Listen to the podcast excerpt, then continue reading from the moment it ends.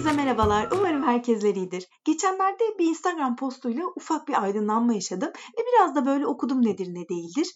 Öğrendiklerim de çok hoşuma gidince hemen koşa koşa buraya geldim paylaşmak için.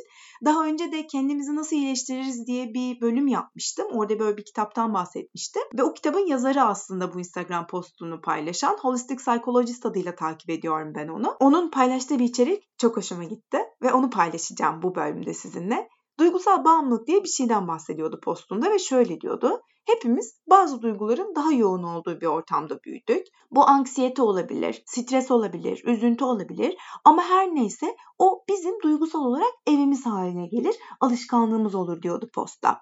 Vücudumuzda alışık olduğumuz bu hormonlar neyse zaman içerisinde onu arar diyordu. Mesela stres dolu bir evde büyüdüysek adrenalin, kortizol gibi hormonlardır bunlar ve bizde eğer bu hormonlar yoksa o zaman pek kendimiz gibi hissedemeyiz diyordu. Çünkü aşinalığımız vardır e, o büyüdüğümüz ortama ve bu hormonlar o kadar tanıdıktır ki onların yokluğunda ne yapacağımızı bilemeyiz. O yüzden mesela diyordu kendini anlatırken ben kendi kendime kaldığımda kendime endişelenecek bir şey mutlaka etrafımda bulmaya çalışırım diyordu. Ya işte o zaman bir ilişkin varsa onu bozarım diyordu ki hani o hormonlara bir an önce kavuşabileyim. O aşina olduğum yere, o ev dediğim yere, o bildiğim yere dönebileyim diyordu ben bunu dinledim. Böyle hani beni tanıyanlar da biraz bilirler. Hayatımda her şey ne kadar yolunda giderse gitsin bir şeylerin yolunda olmadığına dair bir inanç taşıyorum içinde ve hep bir şekilde de bir şeyler bulup onu ifade ediyorum. Aslında hani biz bunu e, çok güzel bir şekilde ifade ediyoruz rahat batması olarak ama demek ki bu rahat batmasının da bir nedeni varmış efendim. Aslında e, çok da mantıksız değil. Çünkü duygular düşünceyle başlıyor ve düşünceler de genelde hep alışkanlıktan ileri gelen düşünceler. Bu otopilot dediğimiz yerden ileri gelen düşünceler. Duygusal bağımlılık durumunda da insan hani o kadar tanıdık bir şekilde hissetmeye ya da doğuştan gelen duyguların güçlü çekimine e, o kadar otomatik bir şekilde e, tepki vermeye bağlı ki bu tepki verme alışkanlığı bilinçaltımızda aynı duyguyu aramamızı sağlayacak bir takım sinirsel yolları güçlendiriyor. Duygusal bağımlılık da aslında tam olarak vücudun bu kendi kimyasal tepkimesine bağımlı hale gelmesi oluyor. Bu yüzden de duygusal bağımlılığı olan kişilerin beynin e, o otomatik yanıtlarını aşıp biraz daha mantıklı e, karar vermeleri gerekiyor. Bana hep şey gelirdi. İnsan sadece sanki dışarıdan bir şeye bağımlı olabilirmiş gibi gelirdi ama meğer insan kendi içindeki kimyasallara da bağımlı olabiliyormuş. Duygusal bağımlıların mottosu da hisset, tepki ver ve bunu da sonrasında savun. Yani bunun bu sıralamayla olması aslında e, bunu motto haline getiriyor. Çünkü önce hissediyor. E, yani tamamen otomatik e, otopilottan gelen bir süreç var burada. Peki biz bu duygusal bağımlılığı nasıl aşabiliriz? Bir kere verdiğimiz tepkiler duygular sayesinde ortaya çıkıyor. Burada hem fikiriz. E, duyguların en temeli düşünceler demiştik. Dolayısıyla böyle hissettiren şablonu keşfettiğimizde kendimize dair o bağımlılığı kırabilme potansiyelimiz var.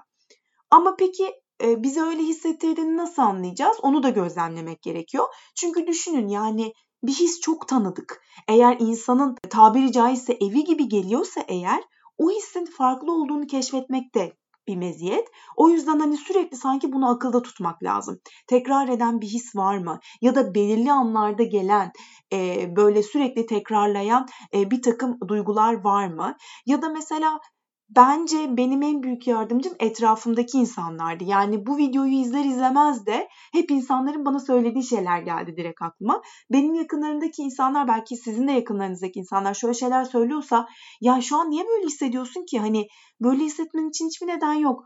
Ne zaman rahata kavuşsan Selin hep bir sorun buluyorsun farkında mısın? Bu şekilde aslında farkındalıklar yaratan arkadaşlarım var.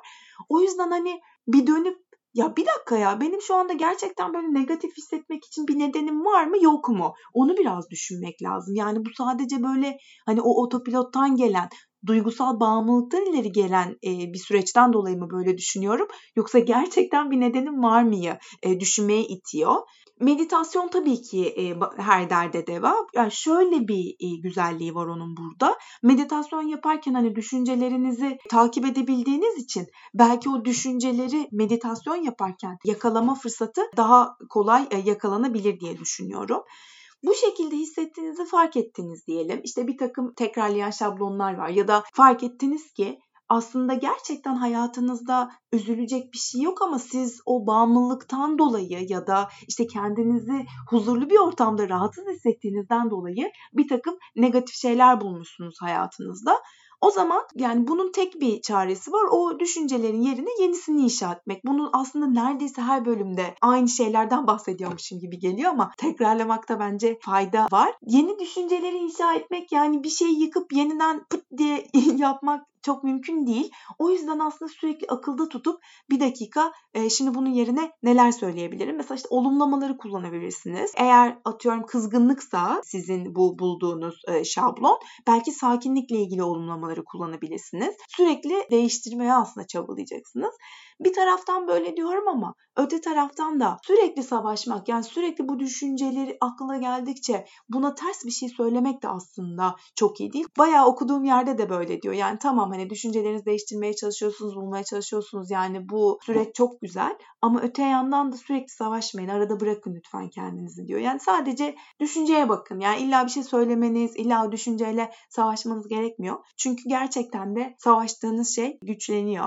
Biliyorum kısa bir bölüm oldu ama yine de acaba bende duygusal bağımlılık var mı diye düşünmeye ittiyse bile işe yarar diye düşünüyorum. Dinlediğiniz için teşekkür ederim. Bana yazmayı unutmayın. Hoşçakalın.